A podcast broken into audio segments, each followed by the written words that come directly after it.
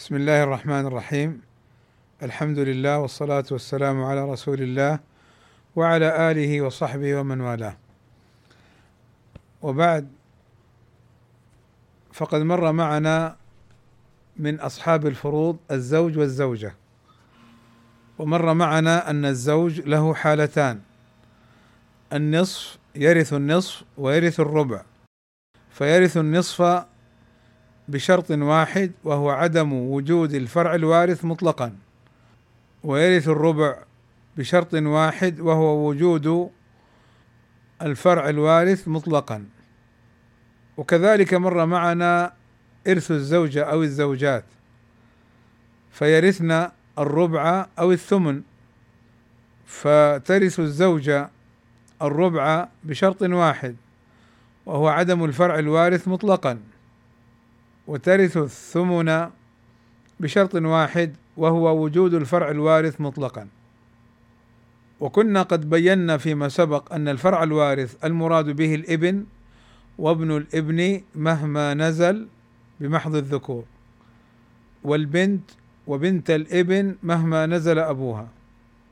ومطلقا بينا أنها بمعنى الذكر أو الأنثى القريب أو البعيد الواحد أو الاثنين فصاعدا مطلقا. الآن في هذا اللقاء إن شاء الله سنتدارس إرث البنت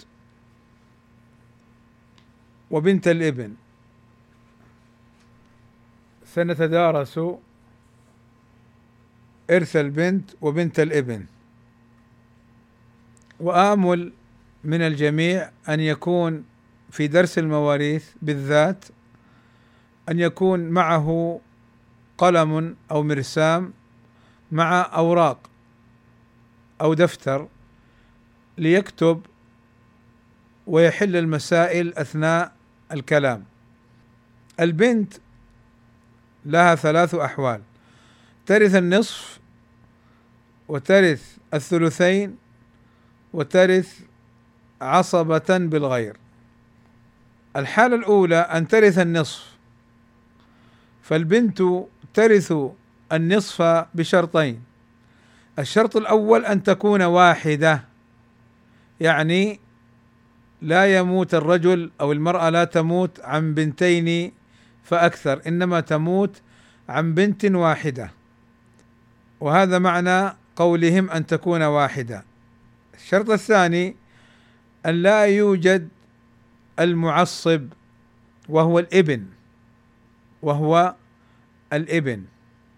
فإذا توفر الشرطان أن تكون واحدة وعدم المعصب ورثت البنت النصف. مثاله ماتت امرأة عن زوج وبنت. الزوج كم له؟ الربع. لماذا؟ لوجود الفرع الوارث. والبنت كم لها النصف؟ لماذا؟ واحدة. ولا يوجد ابن يعصبها. مثال آخر. مات زوج عن زوجة وبنت فالزوجة لها الثمن. لماذا؟ لوجود الفرع الوارث وهي البنت. والبنت ترث النصف. لماذا؟ واحدة ولا يوجد المعصب وهو الابن. إذا هذا فرض النصف. طيب متى ترث البنت الثلثين؟ ترث البنت الثلثين بشرطين. الشرط الأول أن تكون اثنتين فأكثر لأنها لو كانت واحدة ورثت النصف. فإذا كانت اثنتين فائدة مرت معنا في الرموز والمختصرات التي قلنا لابد أن تحفظوها جيدا أن المراد بالجمع في المواريث اثنان فصاعدا. يعني ليس المراد بالجمع ثلاثة فصاعدا فصاعدا يعني فأكثر. فالمراد بالجمع في المواريث اثنان فأكثر. طيب هذا الشرط الأول. الشرط الثاني أن لا يوجد المعصب وهو الابن وهو أن لا يوجد المعصب وهو الابن مثاله ماتت امرأة عن زوج وبنتين. الزوج له الربع. لماذا؟ لوجود الفرع الوارث. وهو البنتان. والبنتان لهما الثلثان. لماذا؟ اولا اثنتان فأكثر. ثانيا عدم وجود المعصب. اذا هذا فرض الثلثين. الحالة الثالثة ترث البنت التعصيب والتعصيب سيأتينا إن شاء الله باب مستقل. ولكن البنت ترث عصبة بحيث يكون للذكر مثل حظ الأنثيين. بمعنى أنها برأس أو بواحد والذكر باثنين يحسب. طيب متى ترث البنت عصبة بالغير؟ ترث البنت عصبة بالغير بشرطين. الأول أن تكون واحدة فأكثر يعني أن تكون موجودة في المسألة. الثاني وجود من يعصبها وهو الإبن. مثاله مات رجل عن زوجة وابن وبنت فالزوجة لها الثمن. لماذا؟ لوجود الفرع الوارث. والبنت ترث مع الابن عصبة بالغير يعني ترث تعصيبا بالغير. مثال آخر كما عندكم في المذكرة لو مات إنسان عن ابن وبنت فهنا نقول البنت مع الابن عصبة بالغير. فنعطي الابن اثنين ونعطي البنت واحدا.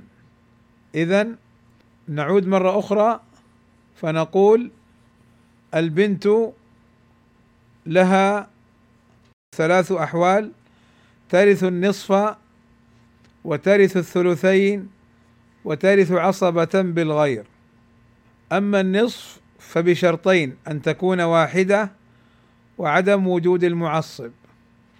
وأما الثلثين فبشرطين أن تكون اثنتان فأكثر وعدم المعصب. وأما عصبة بالغير فترثها بشرطين الأول أن تكون واحدة فأكثر والثاني وجود من يعصبها. ومعنى عصبة بالغير أنها لا ترث بالفرض ولكن ترث المال كله مع الإبن إذا انفردوا أو ترث ما بقي من بعد الفروض كما سيأتينا إن شاء الله بصورة أوضح في التعصيب بإذن الله تعالى. طيب ولعلي أكتفي بهذا القدر مما يتعلق بالمواريث حتى يكون فيه نوع من المراجعة والمذاكرة لما سبق بإذن الله تعالى. وأنبه على أمر حصل في اللقاء الماضي أني ذكرت أن بعضهم يقول من الجهال واللعابين بدين الله عز وجل يقول إن الرجل إذا باتت المرأة غاضبة عليه قلت لعنتها كأن الضمير يعود إلى المرأة. لا هو الضمير يعود للرجل. لعنته الملائكة حتى يصبح. لأن بعض الناس جهلا منه وعبثا بدين الله نسأل الله السلامة والعافية. يقول يعني كما جاء في الحديث أن الرجل آه، إذا بات غضبان على زوجته لعنتها الملائكة. كذلك الزوجة بالعكس لو باتت غاضبة على زوجها لعنته الملائكة حتى يصبح. طبعا الحديث ورد في أن الزوج إن بات غاضبا على زوجته لعنتها الملائكة هذا صحيح.